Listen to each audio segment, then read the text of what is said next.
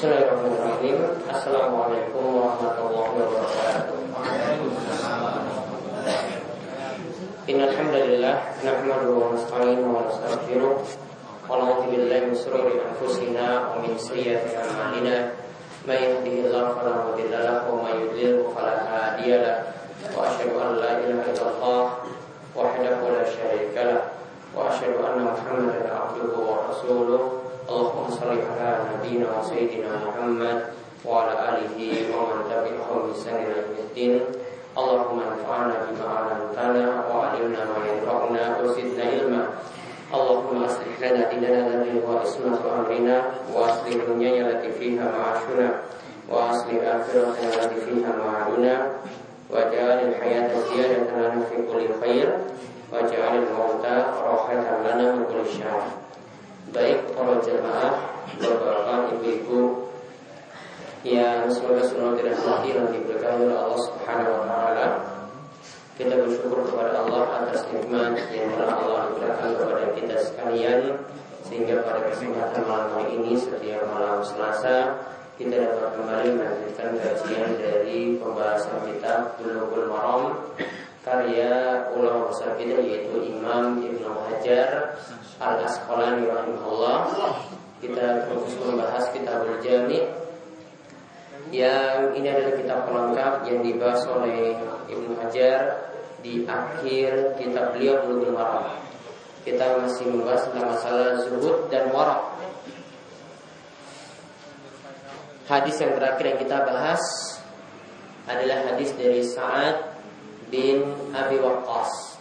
Hadis yang terakhir kita bahas adalah hadis dari Sa'ad bin Abi Waqqas yaitu tentang pujian Nabi SAW bahwa Allah itu mencintai empat orang yaitu orang yang punya empat sifat.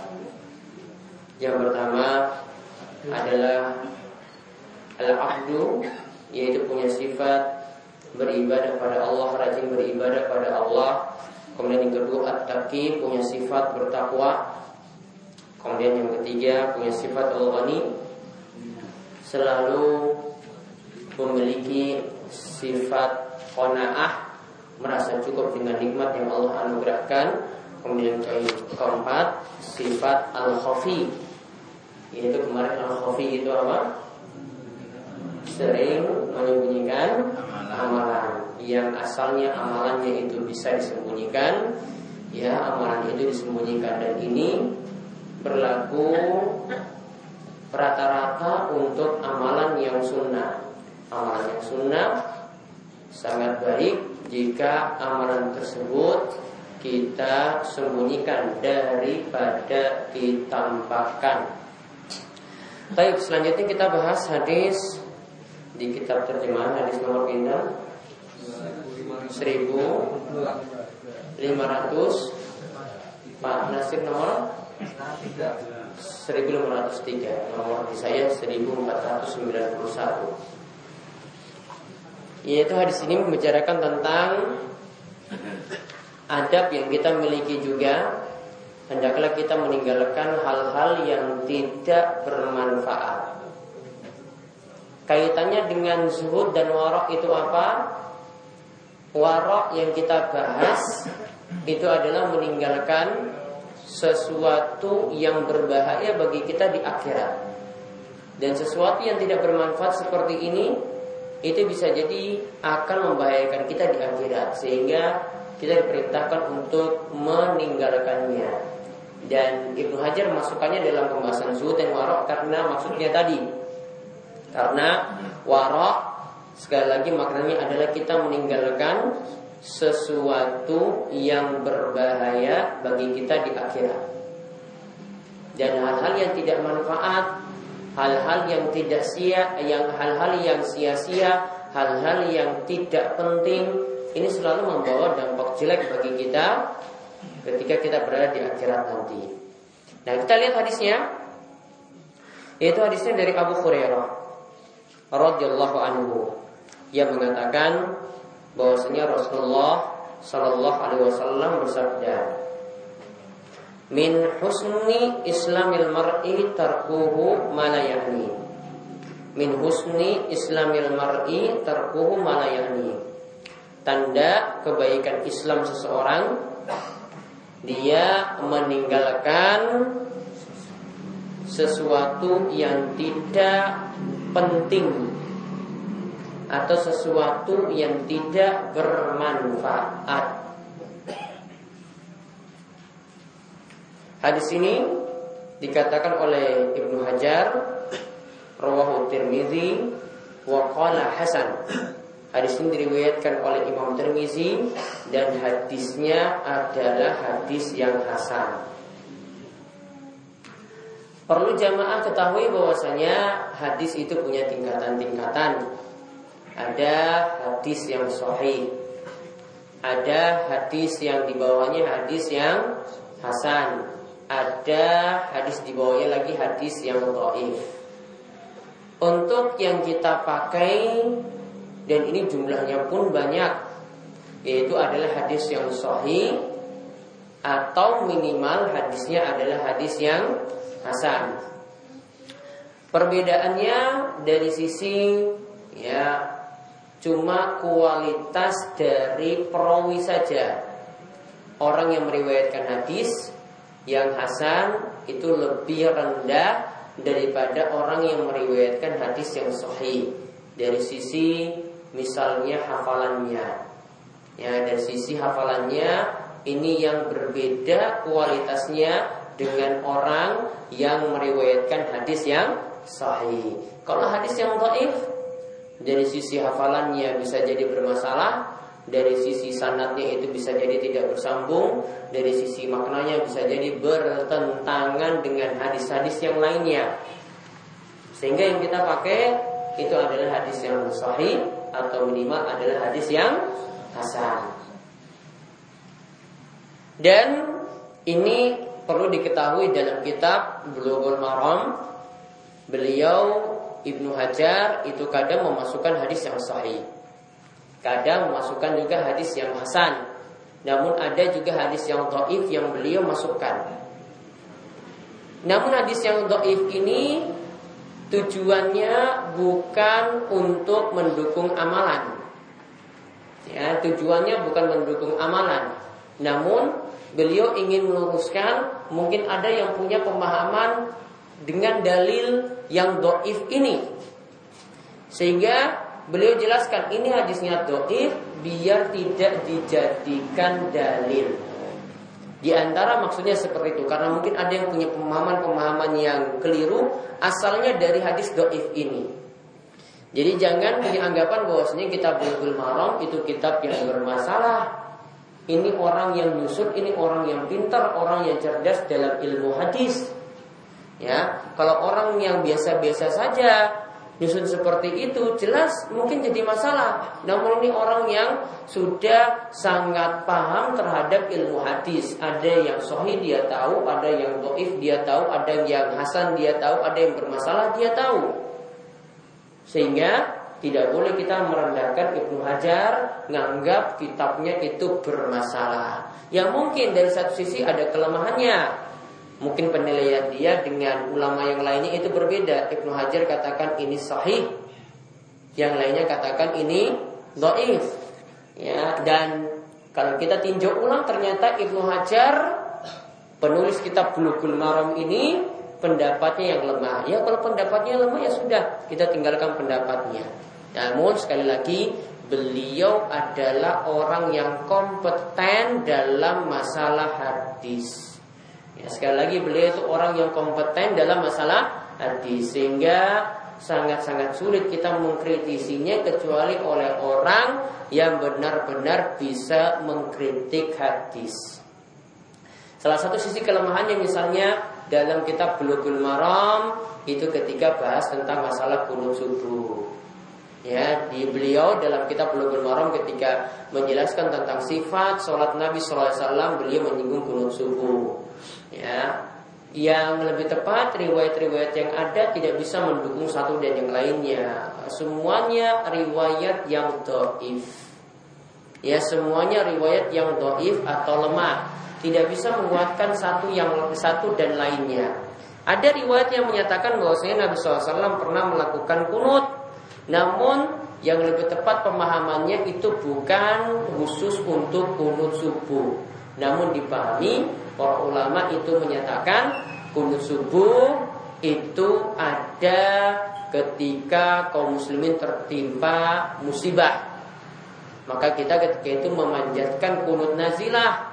Kunut nazilah ini bukan hanya dilakukan pada sholat subuh saja, namun pada sholat-sholat yang lainnya, terutama sholat yang dijaharkan sholat maghrib, sholat isya, dan sholat subuh. Namun tidak spesial untuk sholat subuh saja.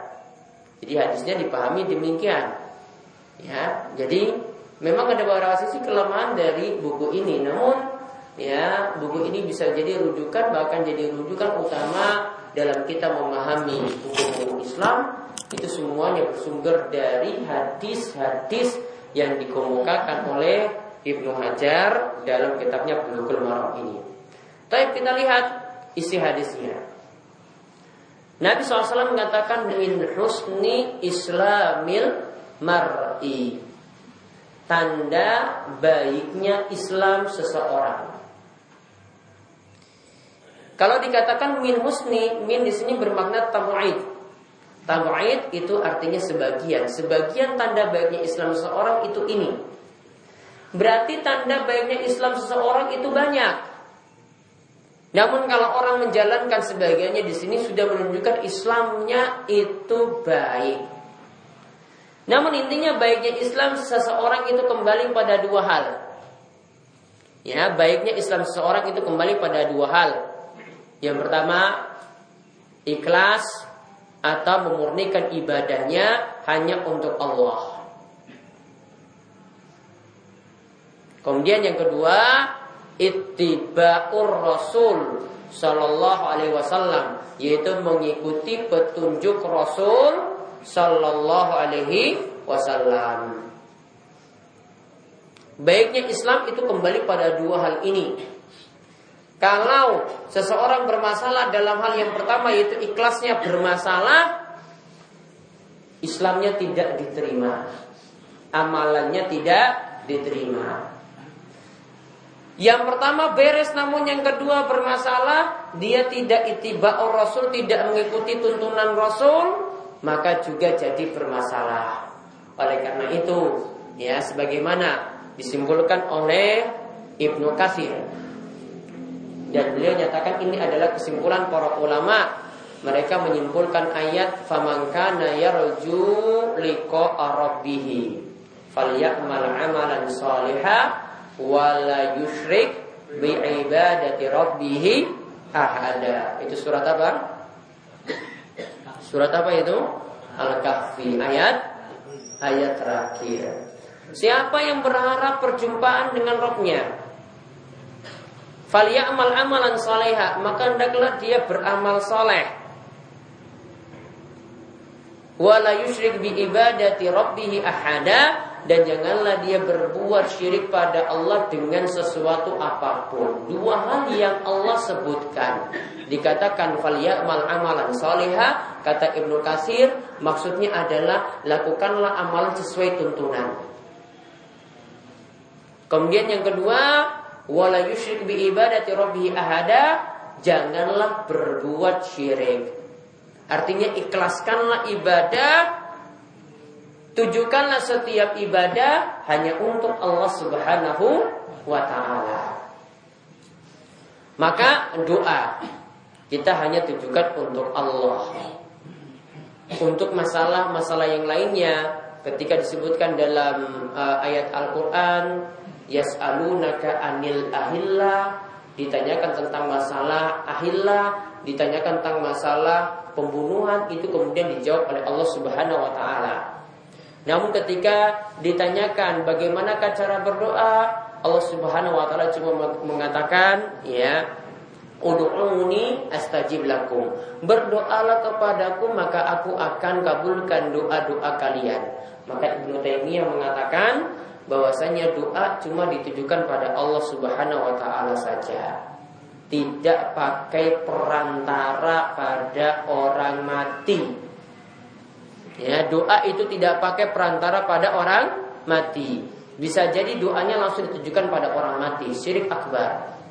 Bisa jadi doanya itu memakai perantara orang mati datang pada kuburan wali kemudian minta pada wali wahai wali ya wahai sunan atau wahai pak kiai tolong sampaikan doa aku ini pada Allah. Ya sampaikan doaku ini pada Allah.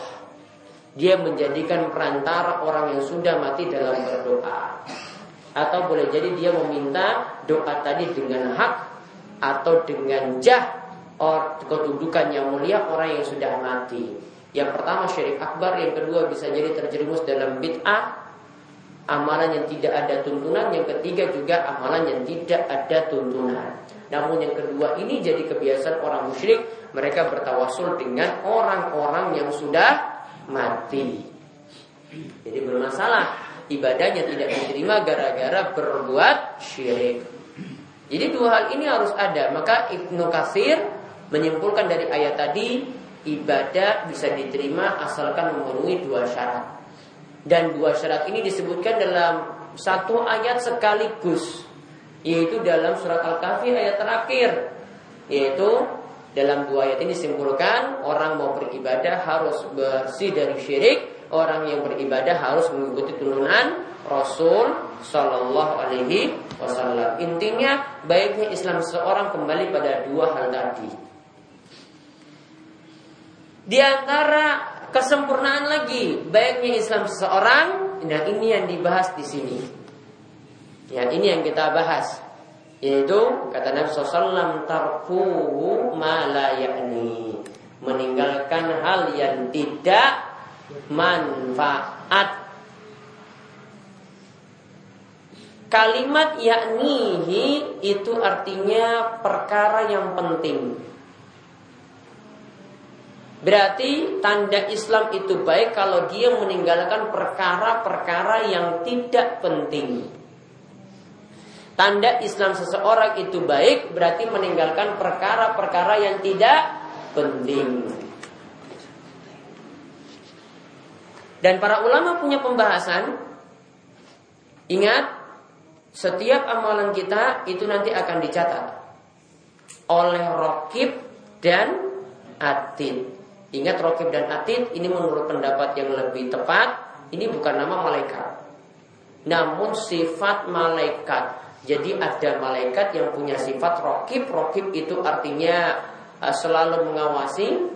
Atid itu artinya selalu ada di samping setiap manusia. Dia mengawasi dan dia mencatat Sifat malaikat Nah sekarang kaitannya dengan hadis ini Apakah semua amalan itu dicatat oleh malaikat Ataukah cuma dosa dan maksiat saja yang dicatat. Perkara-perkara yang sifatnya mubah, apakah dicatat ataukah tidak? Para ulama berselisih pendapat. Yang jelas kalau dosa dan maksiat dan juga amalan-amalan kebajikan dicatat. Namun sekarang, apakah malaikat juga nyatat yang perkara-perkara yang sifatnya mubah, omongan biasa itu apakah dicatat juga? Maka berdasarkan ayat ma yalfizu min qawlin illa ladaihi raqibun atid. Tidaklah yang diucapkan kecuali itu dicatat oleh malaikat yang sifatnya raqib dan atid tadi. Menurut pendapat sebagian ulama mereka menyatakan semuanya dicatat hatta walaupun itu cuma rintihan ketika sakit itu semuanya dicatat Ya, jadi yang amalan kebaikan dicatat, amalan kejelekan juga dicatat, yang sifatnya netral juga dicatat. Namun nanti masalah hukumannya berbeda. Itu masalah pencatatannya tetap masuk catatan. Apakah nanti dihukum ataukah tidak? Ini urusan yang lain. Yang jelas yang diberi hukumannya perbuatan dosa, yang dibalas kebaikannya itu tadi amalan-amalan kebajikan. Namun tadi amalan yang sifatnya netral, tidak termasuk dosa, tidak termasuk amalan kebaikan pula. Ini sifatnya mubah, ya netral ya. Sifatnya itu mubah. Sebagian ulama katakan itu pun dicatat. Alasannya dalil tadi. Semua ucapan itu dicatat oleh malaikat yang sifatnya rokib dan atid. Oleh karena itu, Imam Ahmad itu saat uh, dia sakit, beliau itu merintih, sakit ya, seperti kita sakit, ngeluh. Ngeluh ketika sakit.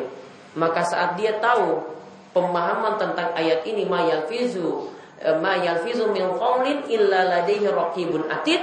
Akhirnya Imam Ahmad rintihannya pun dia tahan. Saat dia sakit keluhannya rintihannya itu dia tahan. Karena takut ini dicatat. Takutnya dicatat malah dihukumi dosa. Sampai seperti itu Imam Ahmad dalam rangka wara supaya hal ini tidak memudaratkan dia di akhirat. Maka kalau ada yang mau mengamalkan seperti itu, ini sangat-sangat baik menunjukkan dia punya sikap wara. Ya, sakit pun tidak ngeluh. Padahal kalau kita sakit mau mau sakit gigi misalnya teriak kan wajar kan kita anggap itu wajar oh, masa cuma menang saja diam saja coba. Ya. Kalau ada kakinya sakit ketabrak misalnya ya pasti kan teriak kan? Pasti teriak. Sakit ya. Namun Imam Ahmad dalam rangka warak biar apa? Amalan ini tidak dicatat diam dia. Jadi kalau ada yang ingin seperti Imam Ahmad maka dalam rangka warok untuk hal-hal yang sifatnya mubah dia diam. Cuma untuk hal yang manfaat saja, yang penting saja baru berbicara. Maka hadis ini kalau digabungkan dengan hadis yang lain, hadis dari Abu Hurairah juga. Yaitu Nabi SAW mengatakan, Mangkana yu'minu billahi wal yawmil akhir falyakul khairan aw liyasmut. Siapa yang beriman pada Allah dan hari akhir, maka hendaklah dia berkata yang baik ataukah tidak dia diam. Maka hadis Abu Hurairah yang kita bahas ini digabungkan dengan hadis ini tadi, hadis yang kedua ini, dua-duanya kalau digabung ini menunjukkan pada amalan kita cuma uh, ber, uh, kita cuma melakukan suatu perbuatan jika itu ada manfaatnya. Begitu juga ketika berucap, kita berucap juga jika ada manfaatnya. Berbuat sesuatu, ingin begadang misalnya, pas ada manfaat baru begadang. Kalau tidak ada manfaat cuma nunggu satu gol masuk ke sampai menit 90 berarti dia tinggalkan. Ya kan? Berarti dia tinggalkan. Ya, kira-kira manfaat nggak? Cuma nonton dari YouTube sebenarnya bisa kan? Ya golnya cuma diputar satu menit. Padahal nonton tadi berapa berapa menit? 90 menit. Coba. Hah? Ini jalankan hadis ini. Maka uh, uh, uh, min husni islami mar'i tarkuhu malan yakni dari sisi perbuatan dia tinggalkan perbuatan yang tidak manfaat. Ya atau coba bayangkan coba waktu yang 90 menit tadi kalau mau baca buku sudah dapat hampir satu buku. Kalau bukunya tipis. Kalau mau sholat malam, sholat malam ya, coba sholat malam itu sudah dapat yang Nabi SAW biasa lakukan 11 rakaat. Ditambah lagi waktu mustajab dia dapatkan lagi untuk doa. Apa dia nonton bola sambil berdoa ketika itu? Hmm, nonton bola tunggu gol sampai menit 90 terus sambil doa untuk sepertiga malam terakhir. Masya Allah ini luar biasa ya penonton bola ini. Ya, nonton bola sambil berdoa untuk sepertiga malam terakhir. Paling yang dia berdoa mudah-mudahan ya Allah klub saya ini menang. Ya kan? yang manfaat dia tinggalkan. Ya, yang orang manfaat kan nggak pernah ditanya di dalam kubur kan? Malaikat tanya coba ada. Malaikat tanya klub yang kamu menangkan dulu siapa, yang paling favorit siapa? Tidak pernah.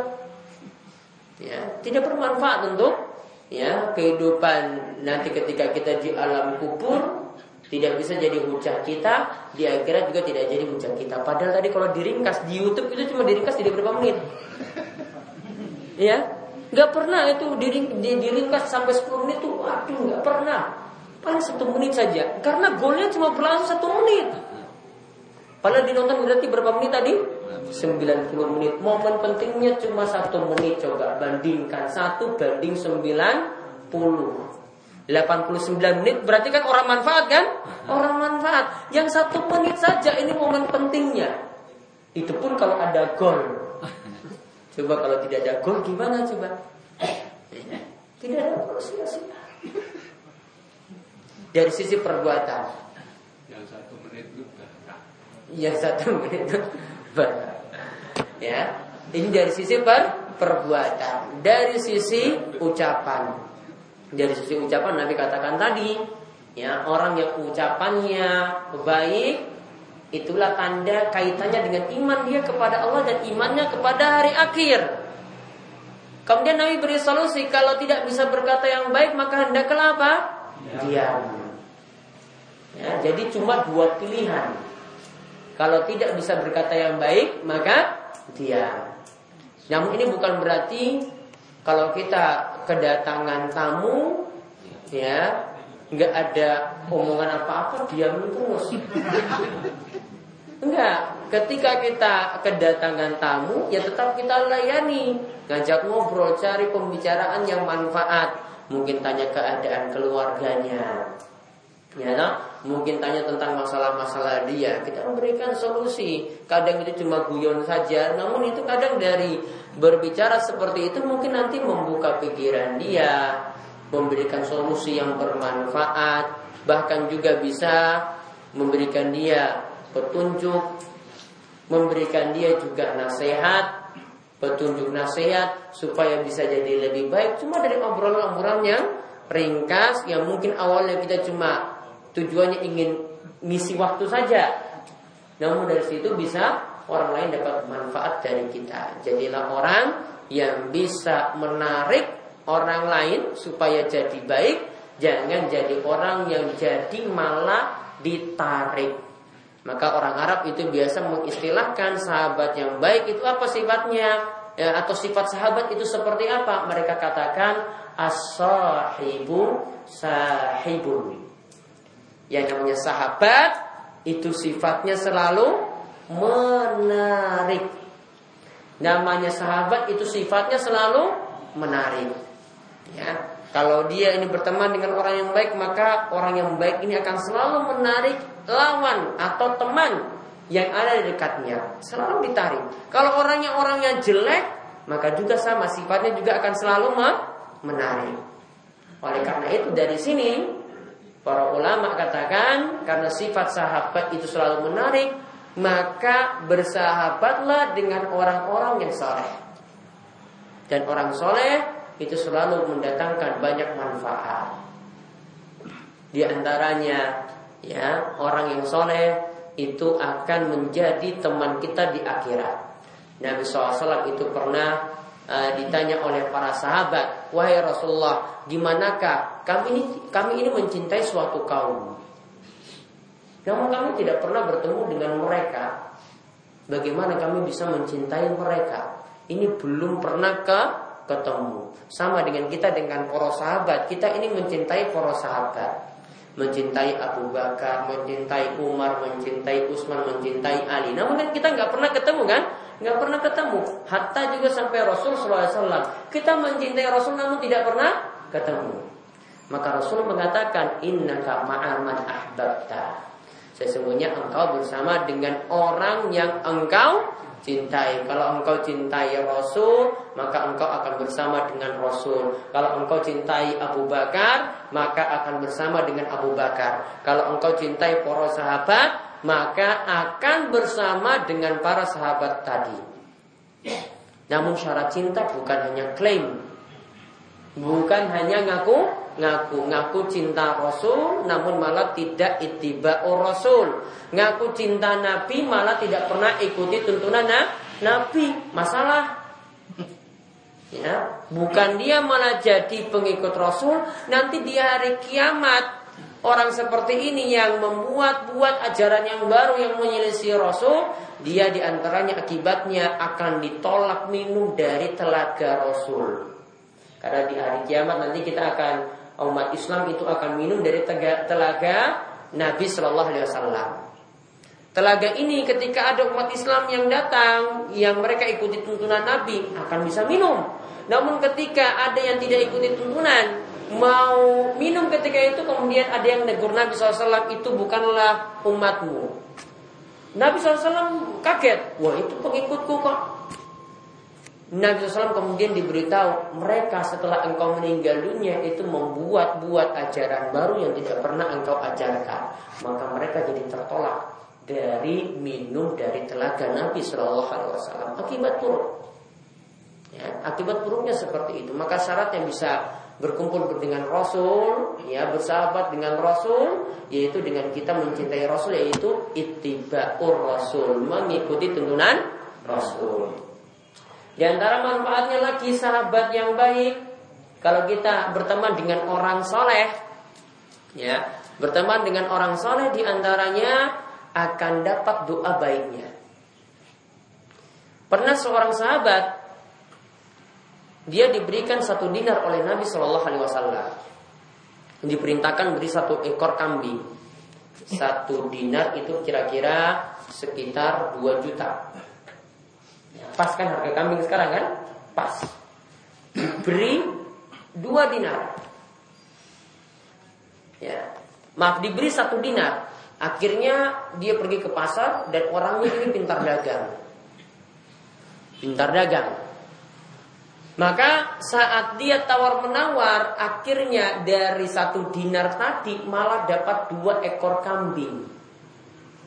Padahal aslinya ini kalau mau orang yang cuma bisa jualan, bisa membeli biasa, cuma dapat satu ekor. Namun dia saking pintarnya nawar, bisa dapat dua ekor kambing. Akhirnya, dia kemudian membawa pulang pada Nabi SAW. Dia jual satu ekor kambing, dapat satu dinar, dan dia bawa pulang lagi satu ekor kambing. Lalu dia bawa ke hadapan Nabi SAW. Nabi SAW ini dari satu dinar tadi, aku dapat satu ekor kambing dan aku dapat ya satu dinar. Kemudian dari bagusnya cara dia berdagang, kemudian Nabi SAW doakan. Ya semoga Allah itu membuat kamu kalau berdagang walaupun kamu jual debu sekalipun itu tetap laku. Artinya Nabi SAW itu selalu doakan dia Mudah-mudahan kalau kamu dagang tidak pernah rugi.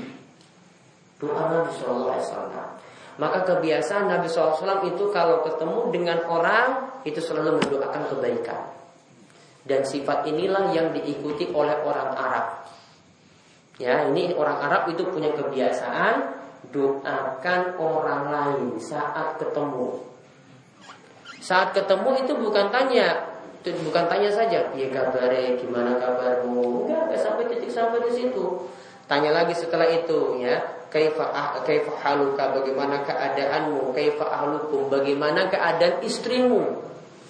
Coba tanya istri gimana kalau orang kita? Marah enggak? Tanya istrimu gimana kabarnya? Marah enggak? Hah? Ini apa kamu tanya-tanya istriku cari masalah lagi? Apa tunggu jandanya? Jadi masalah kan? Namun ini enggak, ini kebiasaan orang Arab yang baik. Tanya istri, tanya anaknya gimana, baru setelah itu doakan.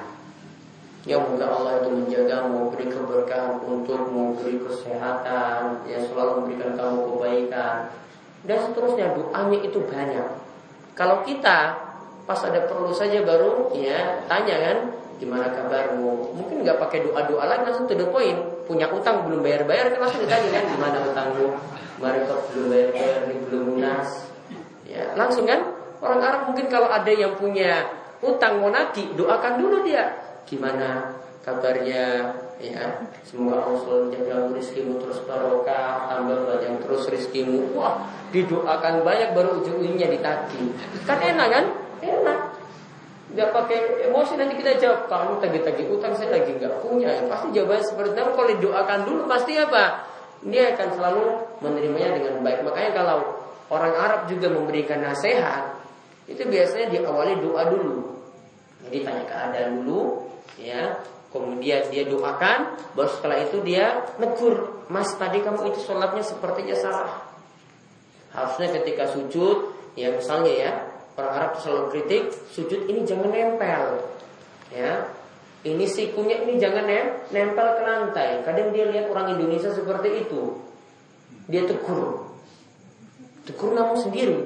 Ketika sepi, ya bukan terang-terangan, bukan kayak kita kan kalau negur kan, kamu ini sholat kok nggak beres pasti terang-terangan pasti nggak terima coba ini awali dulu dengan doa sendiri-sendiri ya empat mata kemudian sampaikan dengan halus. Gimana mau nolak? Malah ucapkan terima kasih. Masya Allah saya terima kasih sekali. Sudah dinasihati seperti itu. Akhirnya jadi tahu kan?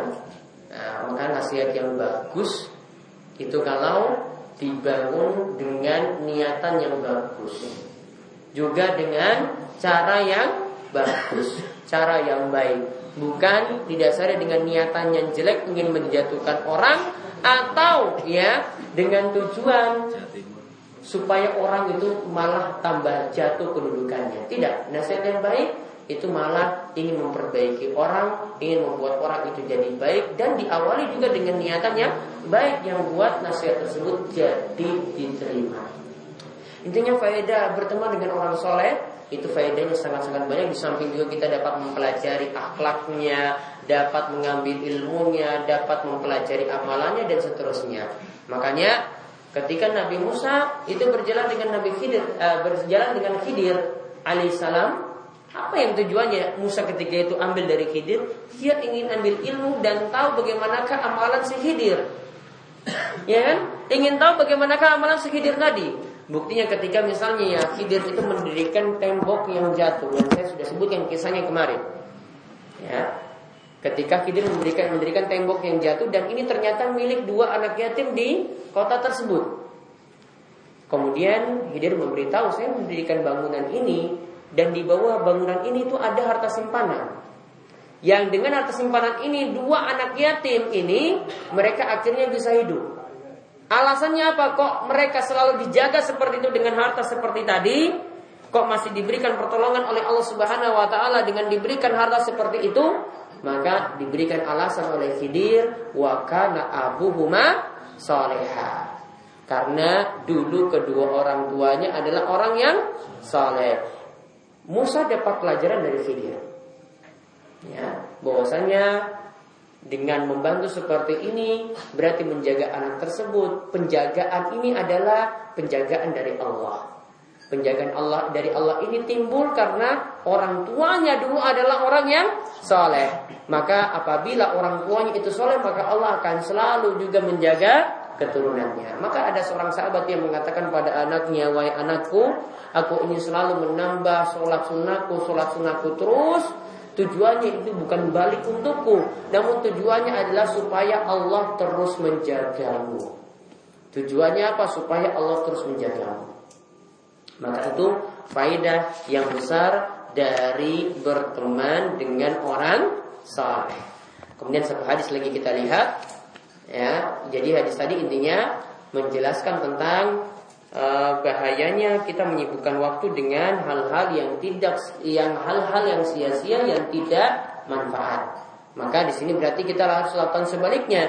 Istilah waktu-waktu kita dengan perbuatan yang bermanfaat meski uh, itu bisa berupa perbuatan ataupun dengan ucapan-ucapan yang bermanfaat. Kita lihat sekarang hadis yang berikutnya, hadis dari Mikdad bin Ma'di Karim. Mikdad ini namanya satu orang. Kalau Mikdad itu satu. Kalau Ma'di Karib itu seolah-olah tersusun dari dua kata, padahal satu kata. Ya, padahal satu kata. Ini dalam bahasa Arab dikenal dengan nama yang merokat, nama yang tersusun. Ya, nama yang tersusun. Sama misalnya ada yang punya nama Ja Muhammad.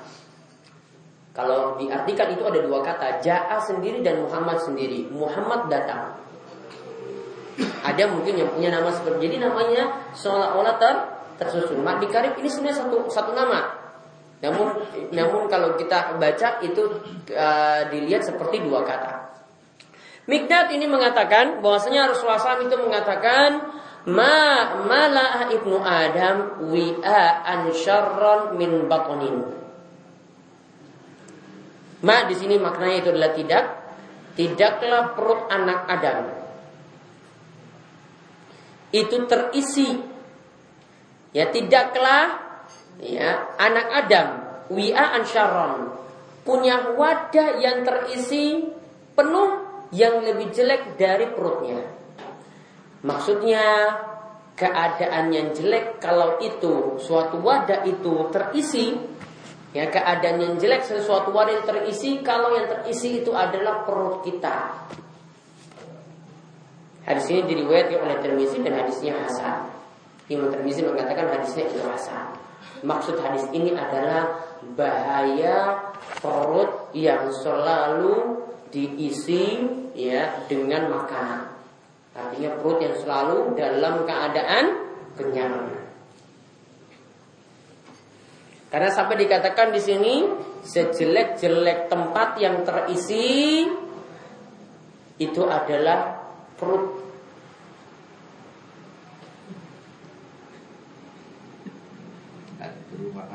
Dikatakan oleh Syekh Muhammad bin Shalih Utsaimin karena jika perut terisi seperti ini artinya kebanyakan kenyang atau kebanyakan makan, maka yang terjadi yang pertama ghaflah, banyak lalai. Yang kedua kasratun naum, banyak tidur. Yang ketiga Waktunya Lebih banyak terisi dengan hal-hal yang sia-sia. Yang keempat Mendatangkan banyak penyakit yang berkaitan dengan badan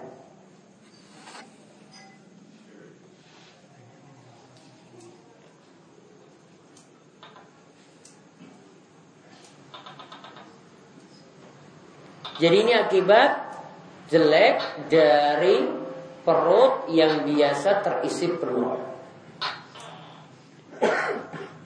Namun di sini perlu dipahami ini keadaan ketika seseorang terlalu berlebihan dalam masalah mubah.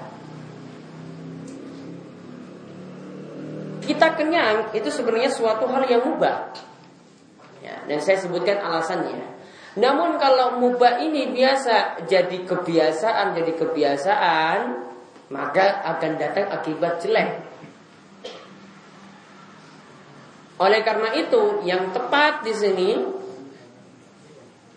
hadis ini lebih dipahami tepat jika kita artikan keadaan kenyang yang jelek itu jika keadaannya terus-menerus seperti itu terus. Sehingga membuat dia itu lalai dari hal-hal yang lebih penting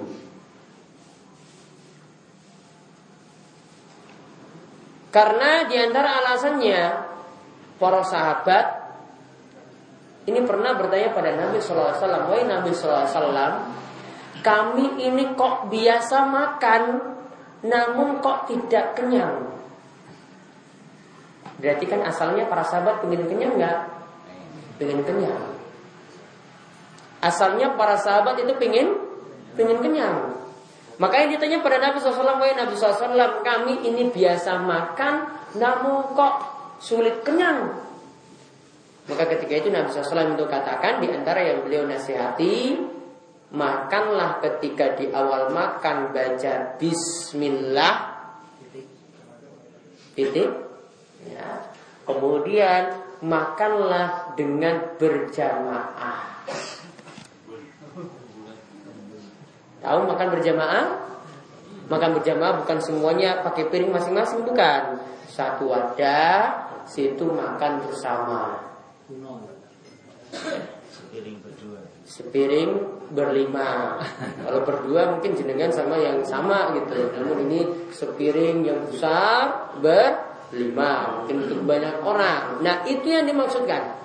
Jadi Nabi SAW menasihatkan dua hal. Makanlah pakai bis, Bismillah. Adab makan itu dipenuhi. Mungkin ketika kamu itu makan nggak kenyang karena tidak baca Bismillah di awal makan. Lalu ketika itu biasakan makan berjamaah. Kalau di Gunung Kidul itu biasa makan berjamaah, makan tiwul. Ya nyambel bareng itu biasanya bareng-bareng jamaah. Ya, biasa bareng-bareng jamaah. Tapi mereka nggak tahu kalau ini sunnah Nabi. Cuma tahu itu kebiasaan saja ya kan. Cuma tahu kalau makan ya bareng-bareng seperti itu. Ya, maka ini tergantung niatan.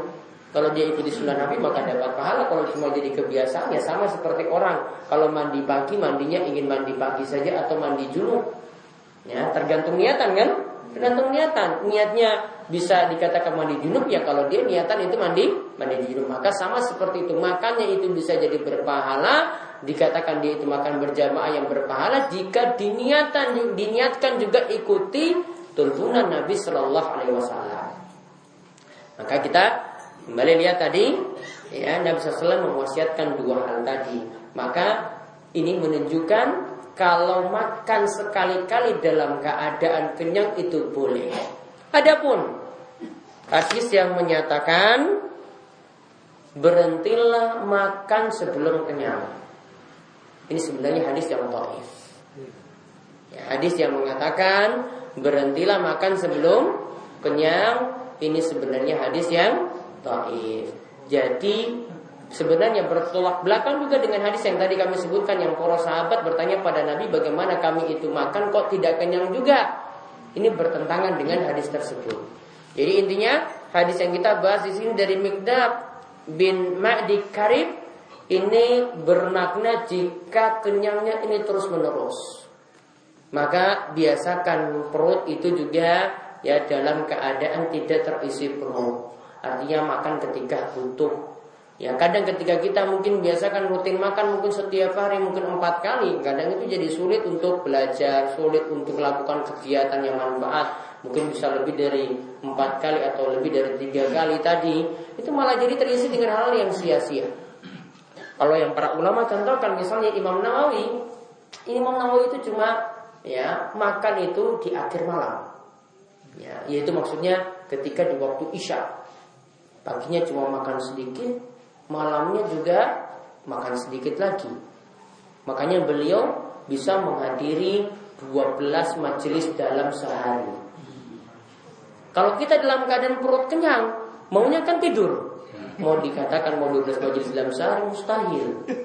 Ya, makanya Menawi bisa seperti itu karena dia tahan perutnya tadi lebih mudah untuk beraktivitas. Ya namun kalau perutnya itu selalu diisi terus mau bergerak saya sulit. Aduh ini barnam mending turun daripada ikut kajian. Hanya kan makanannya disediakan terakhir kan bukan awal kan? Kalau awal sudah habis semua ya ada yang dengar kajian. Jadi intinya yang tidak dibolehkan sini kenyang atau sibuk dengan hal mubah-mubah seperti ini secara berlebihan. Namun sekali-kali kenyang itu dibolehkan. Adapun hadis yang tadi saya sebutkan berhentilah makan sebelum kenyang, intinya hadis tersebut adalah hadis yang dhaif. Intinya yang terakhir juga berarti Islam memperhatikan bagaimanakah kesehatan badan kita dan Islam juga memperhatikan bagaimanakah supaya kita tidak terkena penyakit-penyakit yang berbahaya dengan melakukan adab-adab atau melakukan kiat-kiat sebagaimana yang Nabi Shallallahu Alaihi Wasallam itu ajarkan di sini. Nah itu saja yang bisa kami sampaikan untuk kesempatan kali ini. Insya Allah pada kesempatan berikutnya kita bahas dengan hadis yang lainnya. Yang berikutnya nanti kita bahas tentang masalah taubat. Ya. Dan kita bahas hadisnya dari Anas bin.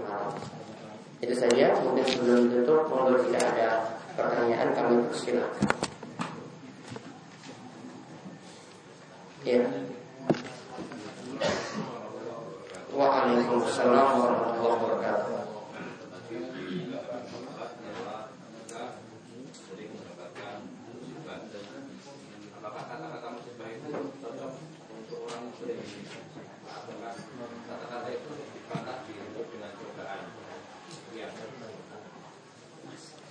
Kadang kita sebut dengan musibah, kadang kita sebut dengan ujian, kadang kita sebut dengan cobaan.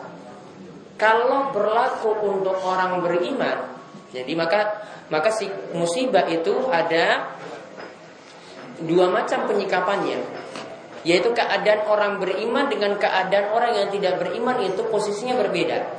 Kalau keadaan orang beriman ketika mendapatkan musibah itu disebut ujian. Diuji supaya dia ditinggikan derajatnya supaya mendapatkan pahala atau dihapuskan dosa.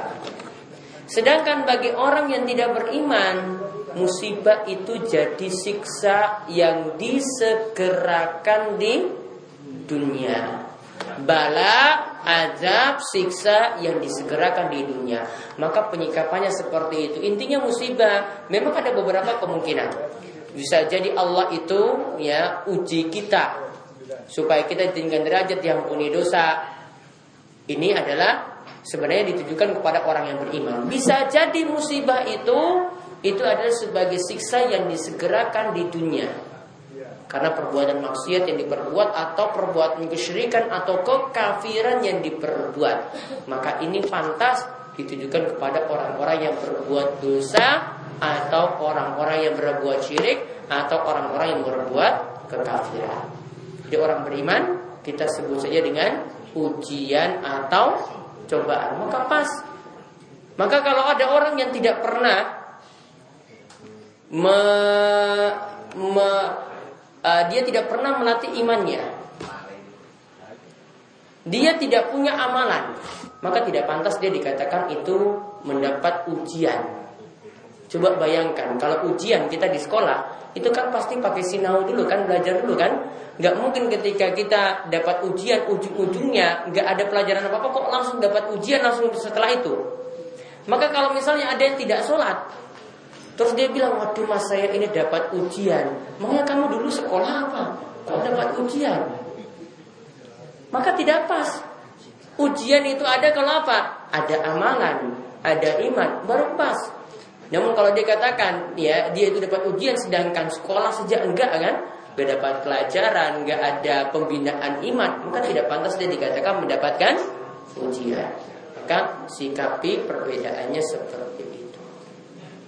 Ada lagi? Ya. Uh, mungkin menyimak bagaimana menyikapi ketika Rasulullah Muhammad itu dihina? Apakah dengan cara berdemo? Apakah dengan cara seperti yang ada di Prancis dengan membunuh mereka? Atau ada dalilnya untuk menyikapi? Bagaimanakah menyikapi orang yang menghina Nabi Shallallahu Alaihi Wasallam? Maka penyikapannya itu sudah disebutkan kita bisa melihat dalam hadis Abu Said Al Khudri di mana Nabi SAW itu mengatakan man ra'a minkum munkaran falyughayyirhu biyadi fa illam yastati' fa bilisani fa illam yastati' fa biqalbihi wa dzalika ad'aful iman Barang siapa yang melihat kemungkaran di antara kalian maka hendaklah dia merubah dengan tangannya jika punya kuasa. Jika tidak mampu maka adalah dia merubah dengan lisannya. Saat tidak mampu dengan tangan maka beralih pada lisan.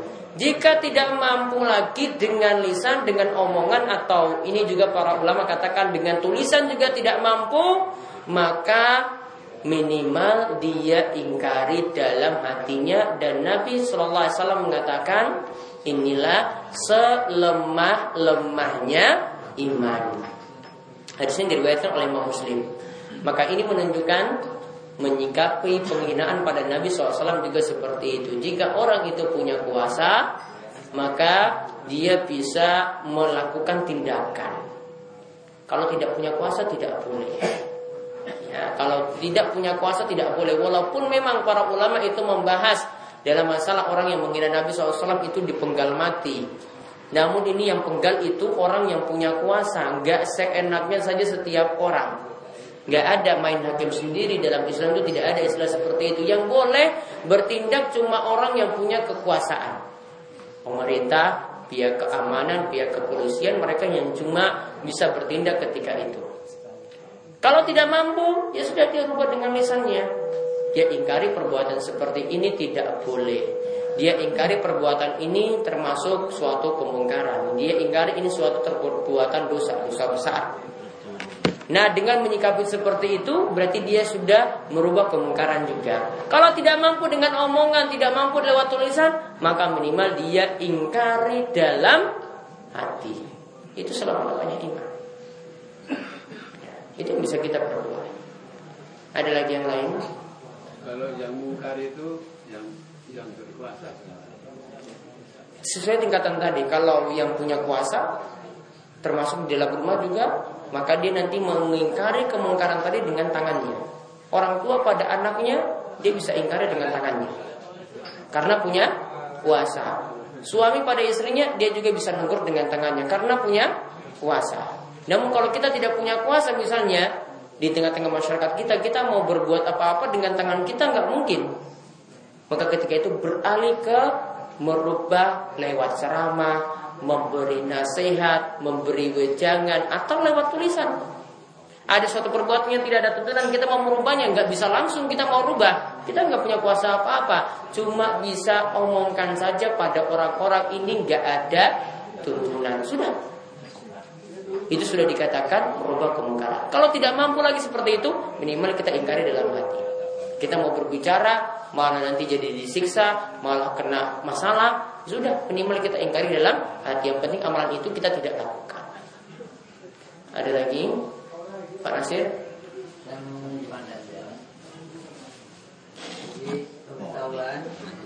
Assalamualaikum warahmatullahi wabarakatuh. Waalaikumsalam Dari pengurus pengajian Ada anggota kita Yang masuk SU di PKU Dalam rangka melaksanakan hak seorang muslim faida marido fatmuhu.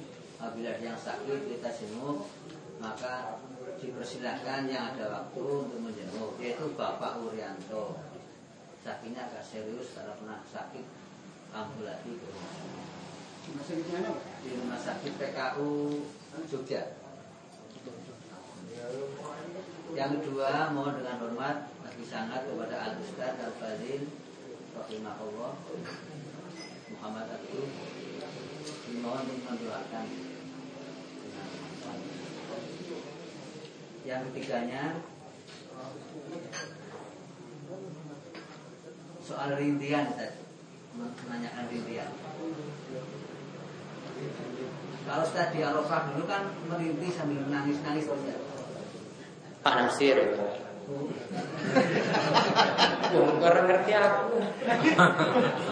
Oke Ustaz Pernah diceritain loh Ustaz Nasir. Terus seduh-seduh Eh. Terus? Nanti dulu Beda nggak dengan orang yang sakit Kemudian tidak merintih Dia sakit hati karena merasa berdosa banyak Kemudian saya akan memamerkan orang Jawa Ustaz. Orang Jawa itu sangat kewarok kalau sakit tidak pernah berhenti, malah mengucapkan minta maaf. Contoh, kakinya dibidak, itu malah minta maaf. Berarti orang Jawa ada contoh yang warok. Iya, maksudnya begitu menghormati yang tidak ini Bono. Ah gitu ya. Kamu itu awin. orang Jawa itu. Tapi nggak boleh niat baik itu cuma jadi. Berarti tergantung niatnya. Ke terusnya sini. Kalau jangan kalau makan sebelum berhenti kalau makan berhenti sebelum kenyang itu memang tidak soke berarti depannya juga tidak soke Ustaz. misalnya ada perintah jangan makan sebelum lapar. Hmm? itu kan udah ini. Makanlah engkau setelah lapar dan berhentilah engkau sebelum itu berarti kalau yang satunya tidak soke depannya tidak harus soke artinya maksudnya boleh makan walaupun sudah kenyang. Hmm. ya. Maksudnya di sini nanti makan, di rumah makan lagi juga boleh ya. Karena yang belakang itu kan jangan ber- jangan berhentilah makan belum makan. Berarti di depan itu boleh makan meskipun belum Sebelum kenyang. Dibalik-balik pak. boleh nggak itu? Yang itu saya sudah bahas di sanatnya aja. Yang tadi yang hadis apa? Berhentilah makan sebelum kenyang. Sebelumnya apa? Jangan makan sebelum lapar. Jangan lap- makan sebelum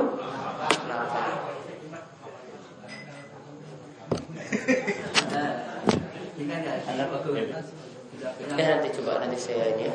Cek dulu ya. Agak berat ini pertanyaannya Ustaz ya. Terus yang tadi sebelumnya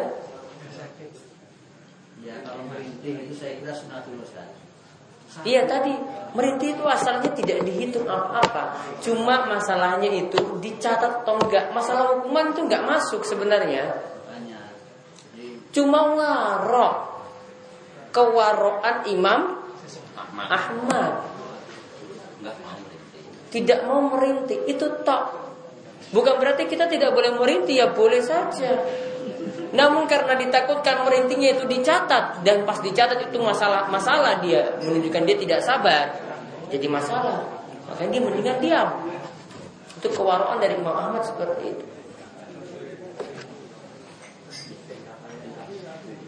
Kemudian eh, kaitannya dengan doa disebutkan kalau kebiasaan orang Arab itu apabila bertemu saudaranya maka dia mendoakannya. Iya, ini bukan hanya kebiasaan orang Arab, ini dipraktekkan oleh Nabi SAW, bahkan dipraktekkan oleh sahabatnya, yaitu ketika Ibnu Umar itu mau pergi umroh. Ya, ketika Ibnu Umar itu mau pergi umroh maka dia pamit kepada Nabi SAW Kemudian Nabi SAW itu mau memberikan izin. Maka ketika itu Nabi SAW itu katakan Jangan lupa doa-doa kebaikanmu juga untukku. Jangan lupa doa-doa kebaikanmu juga untukku Walaupun di sini ditanyakan Benarkah doa yang tidak diketahui saudara yang kita doakan itu maka doanya dikabulkan Ya itu juga benar Tanpa saudara kita tahu kita doakan dia maka itu doa yang dikabulkan. Ini tidak bertentangan. Ini boleh dipraktekkan yang satu, kita berdoa tanpa orang lain itu tahu. Atau boleh kita doakan juga langsung. Itu tidak ada masalah, tidak bertolak belakang sama sekali. Jadi yang satu ini boleh, yang satu juga boleh. Dan ini sudah dipraktekkan di tengah-tengah Nabi SAW yang dipraktekkan dengan para sahabatnya atau para sahabat mempraktekkan kepada beliau. Nah kemudian kalau ini dikatakan doa yang mustajab, iya, karena orang yang mendoakan kebaikan kepada saudaranya, maka ketika itu akan hadir malaikat. Malaikat ini cuma bertugas, ya, malaikat ini cuma bertugas ngaminkan doa. Maka malaikat nanti akan berdoa ketika orang ini doakan kebaikan pada saudaranya, ya Allah sembuhkanlah dia. Saudaranya tidak tahu kan? Maka malaikat nanti di belakang itu kemudian berdoa, dia akan aminkan, amin, amin. Kemudian malaikat mengatakan walaka bimislin. Engkau juga akan dapat yang semisal itu. Maka keutamaannya ada sendiri. Ini dikabulkan doanya dan orang yang doakan kebaikan pada saudaranya juga akan mendapatkan kebaikan yang sama. Ada lagi? Ya. yang hadis yang doa minggu mungkar itu eh, saya pernah dia ada itu mengatakan bahasanya eh, yang banyak yang paling wajib yang Kembali kepada yang paling dekat, bukan yang jauh. Nah yang Enggak. Enggak. Kembali ke paling dekat orang yang mengingkari dengan hati itu selama lemahnya iman. Lebih pantas kembali kepada yang dekat daripada yang jauh yang sebelumnya, daripada orang yang berubah dengan tangannya. Ada lagi? Ya, ini dulu Pak. Mungkin silakan. kaitannya dengan doa itu ya itu hukumnya kita melakukan doa itu misalkan tadi ada mendoakan kita terus kita itu harus mengamati atau tidak kemudian kalau di sholat sunnah itu ya terus biasanya khutbah kedua itu rata-rata itu pada mengamini Kalau untuk khutbah Jumat masalah yang berbeda karena lebih utama ketika itu diam. Ya. Lebih utama ketika itu diam. Sedangkan tentang masalah mengaminkan tadi itu suatu hal yang dibolehkan karena Syekh Abdul Aziz bin Bas itu ditanya tentang masalah Al-Fatihah saja. Di surat Al-Fatihah kan di ayat terakhir disebutkan ghairil maghdubi alaihim wala dhalin. Artinya kita minta perlindungan pada Allah ihdinas siratal mustaqim siratal ladzina an'amta alaihim ghairil maghdubi alaihim waladdallin. Beliau ditanya, gimana kalau surat ini dibaca di luar sholat? Apakah kita juga ucapkan amin? Karena isi ayat yang terakhir tentang apa? Doa. Maka beliau katakan sama. Dijawab juga amin. Karena kita aminkan doa itu. Ya, amin itu artinya apa? Allah mustajib. Ya Allah kabulkanlah doa itu. Ya, jadi asalnya boleh. Ya. Kemudian tentang Fatihah mau apa saja dimulai Mau apa saja dimulai Al-Fatihah. Diakhiri juga dengan Al-Fatihah.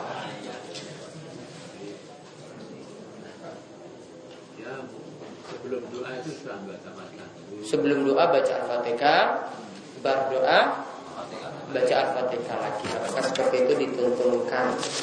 Ya. Apakah seperti itu dituntunkan pertanyaannya? Nah, makanya saya tanyakan Nah, yang tepat kalau hadis yang membicarakannya tidak ada mengawali ataupun mengakhiri. Yang ada dalam doa, kalau doa ya, kalau doa awali dengan memuji Allah terlebih dahulu, baru setelah itu berselawat pada Nabi SAW, baru sebutkan isi doa, atau situ ada tawasul dengan asmaul husna, sebutkan isi doa, baru setelah itu tutup kalau kebiasaan Anas bin Malik itu biasanya beliau doa apa pun itu tutup dengan Rabbana atina fid dunya hasanah fil akhirati hasanah qina adzabannar. Tutup lagi setelah itu dengan selawat. Itu yang ada. Adapun Al-Fatihah Allah alam saya tidak pernah menemukan satu dalil pun tentang Untuk tergantung satu kondisi kalau Nabi SAW tidak mengangkat tangan saat itu, ya maka kita tidak angkat tangan. Namun satu kondisi dan ini rata-rata dalam doa. Doa mana pun asalnya mengangkat tangan. Namun satu kondisi Nabi SAW tidak mengangkat tangan, tangan, namun berisyarat dengan jari, yaitu saat khutbah Jumat. Beliau berisyarat dengan jari. Maka ketika itu kita ikuti Nabi SAW berisyarat juga dengan jari, terutama untuk khotib yang berdoa, dia berisyarat dengan jari, tidak mengangkat tangan. Kecuali yang Nabi SAW saat khutbah itu mengangkat tangan saat doa minta hujan. Kalau isi doanya Allahumma agisna, Allahumma agisna, Allahumma agisna, ya Allah turunkanlah hujan pada kami, ya Allah turunkanlah hujan pada kami. Lalu Nabi angkat tangan ketika itu. Ada satu riwayat katakan angkat tangannya seperti ini dan dibuat tinggi, ada yang disuruh balik. Dua-duanya ada riwayat. Namun rata-rata doa Nabi SAW angkat tangan. Angkat tangannya dengan dua cara kata Ibnu Rajab. Bisa jadi menenga- menengadahkan tangan seperti ini. Ya, seperti ini. Namun di depan, depan di sini ya, depan, depan kita ini bukan turun ke bawah. Depan kita seperti depan wajah. Atau dibuat balik seperti ini. Ini punggung eh, punggung telapak tangan menghadap depan. Yang ngadap ke kiblat. Nah, ini yang ditentukan. Dua cara seperti ini. Tidak. Coba kalau bapak ngemis kayak gitu coba. Jatuh nggak? Orang kalau ngemis seriusnya gimana coba kalau ngemis seriusnya? Seriusnya. Apa gini di bawah coba? Nggak serius nggak akan dikasih. Misalnya pakai serius ya. Eh, ini ngemisnya pakai serius ini mau berdoa meminta macam-macam nggak pakai serius gitu. kalau tolak balak katanya dibalik Iya, tolak balak tadi dibalik. Atau ini dalam sholat istisqa. Dibalik seperti ini. Ada riwayat yang katakan gini, ada riwayat yang katakan dibalik. Ada lagi? Iya. saya tanyakan itu dalam acara sawalan itu di sisi lain ada yang mengatakan kita tidak boleh bersalaman. Terus di sisi lain lagi kita boleh bersalaman karena kita maaf minal aidin bapak ini minta maaf lahir dan batin. Itu yang bisa di mana? Terima kasih. Kan belum ini juga belum Ramadan ya nanti besok aja. Asalnya selamat boleh. Kalau mau ucapkan selamat selamat hari raya asalnya boleh. Ya, dengan tujuan apa? Mengucapkan selamat hari raya. Tahniah kalau dalam bahasa Arabnya itu tahniah. Tahniah dengan cara seperti itu dibolehkan. Nanti yang jawaban lengkapnya nanti insya Allah di dekat Idul Fitri aja ya. Masih lama, nanti lupa pelajaran. Ada lagi? Iya. Yang perlu kami tanyakan masalah sholat fajar dengan sholat qobliyah subuh. Sholat fajar kalian sholat qobliyah subuh ya. Dan waktunya umpama ada perbedaan bagaimana waktunya umpama Baik. sholat fajar itu Ya. waktunya sholat qobliyah itu. Eh, mungkin ini mesti diluruskan ya ini suatu yang sama. Sholat sunnah fajar dan sholat qobliyah subuh itu sholat yang sama. Hadis keutamaannya pun sama.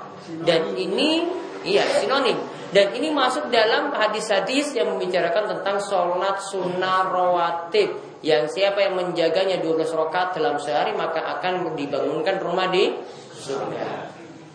Jadi ketika Nabi SAW menyebutkan sholatul uh, sholat sunnah fajar khairum minat dunya wa ma fiha, sholat sunnah fajar yang dua rakaat itu lebih baik daripada dunia dan seisinya, maksudnya ya sholat sunnah qobliyah subuh. Artinya dikerjakan kapan? Pas sudah terbit fajar sodik, sudah masuk sholat subuh kita kerjakan sholat tadi. Pemahaman yang keliru dianggap sholat sunnah fajar itu dikerjakan sebelum fajar. Qobliyah subuh ya setelah masuk waktu subuh ini kurang tepat. Yang ada Nabi SAW melakukan seperti itu dianggap sah satu. Makanya kebiasaan beliau kalau kalau sholat sunnah fajar atau qobliyah subuh baca rokat pertama setelah al-fatihah baca surat al-kafirun. Rakaat kedua baca surat al-ikhlas. Dan ceritakan oleh Aisyah, Nabi SAW melakukannya dengan rakaat yang ringkas. Sampai Aisyah bertanya, ini Nabi SAW ini baca al-fatihah atau enggak sih? Sampai Aisyah bertanya seperti itu artinya saking ringkasnya. Namun bukan berarti Nabi tidak baca Al-Fatihah, tetap baca Al-Fatihah. Namun karena di luar kebiasaan beliau yang biasa sholat beliau itu lama. Ya. Kemudian kebiasaan beliau lagi selepas sholat sunnah fajar, beliau itu berbaring di lambung kanan. Ya berbaring di lambung kanan. Ini dilakukan juga ketika sholat subuh sudah masuk, boleh lakukan sholat sunnah fajar, baru berbaring. Namun di sini yang lebih tepat berbaringnya ini ada ketika kita lakukan sholat malam. Kalau baru bangun subuh langsung sholat sunnah fajar langsung sholat subuh tidak termasuk. Karena orang yang sholat malam dia misalnya sholat setengah jam satu jam kan capek kan? Maka ketika lakukan sholat sunnah qobliyah subuh sholat sunnah fajar butuh istirahat. Maka ketika itu Nabi SAW melakukan. Namun para ulama katakan kalau yang tidak lakukan sholat malam maka tidak ada disunahkan tidur berbaring setelah sholat sunnah qobliyah subuh tidak ada. Itu cuma tuntunannya ketika orang kerjakan sholat malam karena dia butuh istirahat. Itu. Jadi itu dua istilah yang sama. Ada lagi? Ya.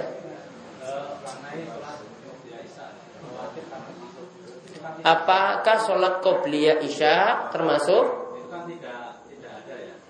Tapi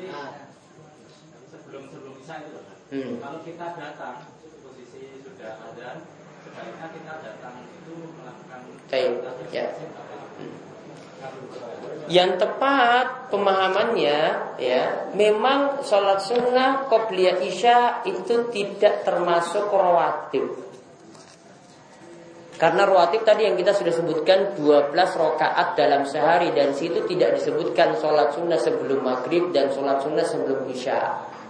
Namun berdasarkan hadis-hadis yang umum yang menyatakan di antaranya di antara dua azan.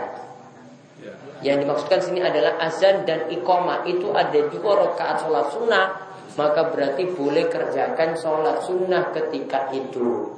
Dengan niatan sholat sunnah mutlak. Kerjakan dua rakaat. Sama sebelum maghrib juga demikian antara azan dan iqamah itu ada ada dua rakaat sholat. Maka boleh lakukan juga ketika itu. Sama juga sebelum asar. Ya, walaupun tidak masuk rawatib boleh lakukan juga dua rakaat ketika itu. Bahkan kalau untuk asar Nabi SAW itu menganjurkan empat Dua salam. dengan dua kali salam. Seperti itu. Jadi tidak masuk hitungan roatif. Kalau uh, Syekh Muhammad bin Sulaiman menggolongkan itu sholat muakkad tapi tidak dirutinkan. Ya itu tidak dirutinkan. Boleh kita kerjakan namun baiknya tidak dijadikan rutinitas. Maksudnya kita datang kerjakan saja dua rokaat ya dua rokaat dua rokaat itu mutlak. Ya bebas artinya tidak dikaitkan dengan waktu. Tapi kalau kita masih masih di masjid, tidak perlu. Mau sholat boleh masuk keutamaan sholat di antara azan dan iqomah. Mau tidak sholat juga boleh. Sampun? Nah, nambah lagi? Sudah? Kalau ini manfaat kalau tanya sampai jam 12 malam pun itu manfaat. Dicatat. Iya dicatat itu. Malaikat nyatat terus. Namun kalau nunggu gol gol sampai 90 menit lagi kan Itu gak dicatat sama malaikat. Gak dicatat. Ini duduk ini tunggu lama ini dicatat semuanya. Jadi malaikat tuh ngantri nyatat itu Nyatat itu semuanya Nyatat dari awal sampai akhir. Ya, namun kalau nunggu 90 menit lagi, wah itu wes orang manfaat ya. Di depan saya sih apalagi pasang taruhan lagi ya. Ditambah masalah. Ya kita tutup dengan doa keputul majelis. Subhanakallahumma bihamdika asyhadu an la ilaha anta astaghfiruka wa atubu ilaik. Mudah-mudahan yang dalam keadaan sakit Allah mudahkan kesembuhannya dan juga diberikan kemudahan untuk ya dalam biayanya dan juga dalam menghadapi kesulitan-kesulitan yang ada. Ya, assalamualaikum warahmatullahi wabarakatuh.